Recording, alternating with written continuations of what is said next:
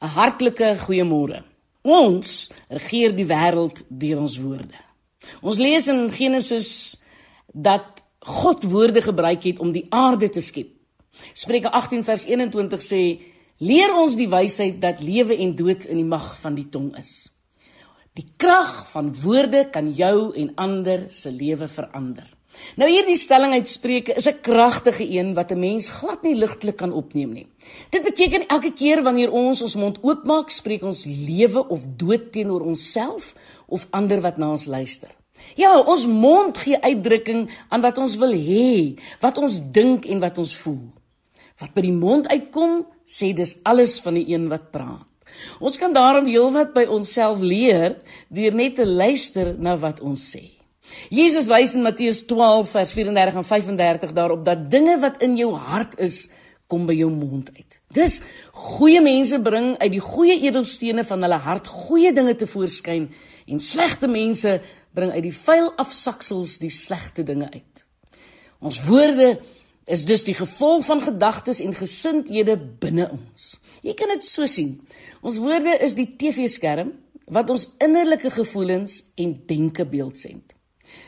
Ek dink nie woorde het nog ooit in die geskiedenis so goedkoop geraak soos dit in die tyd waarin ons leef is nie.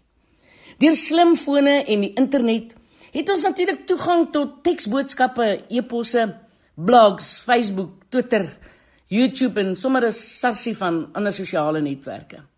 Ons het daarbey ook die ouer kanale natuurlik soos die radio en TV, asook die drukkersmedia.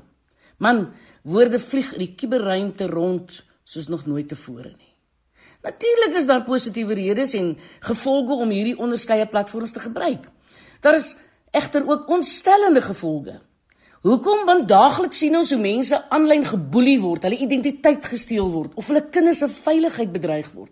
Ons sien hoe verslawing aan pornografie toeneem en en natuurlik onnadenkende tweets loopbane verongeluk. Jong werksaansoeke word ook afgewys weens Facebook blaaie wat die uitvrot van swak gedrag toon. Ai man, mense se reputasies word vernietig deur wat ander van en oor hulle post terwyl dit eintlik 'n liegstorie is wat weier gespin word. Ons moet ons moet eenvoudig by 'n punt kom waar ons die krag van woorde besef.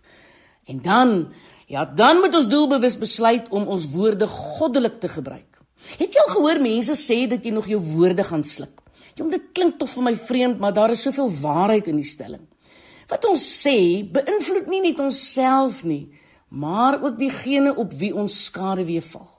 Woorde is genesend wanneer dit reg gebruik word.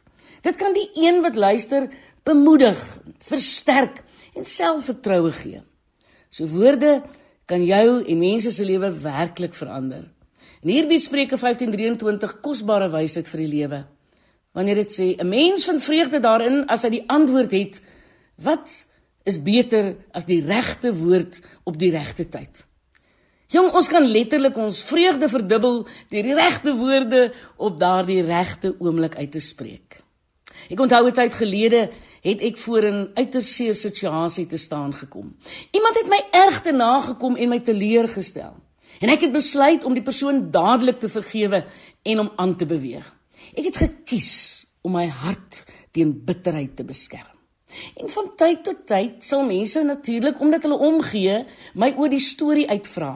Dan besef ek, elke keer wanneer ek daaroor praat, krap dit net 'n rou wond weer oop.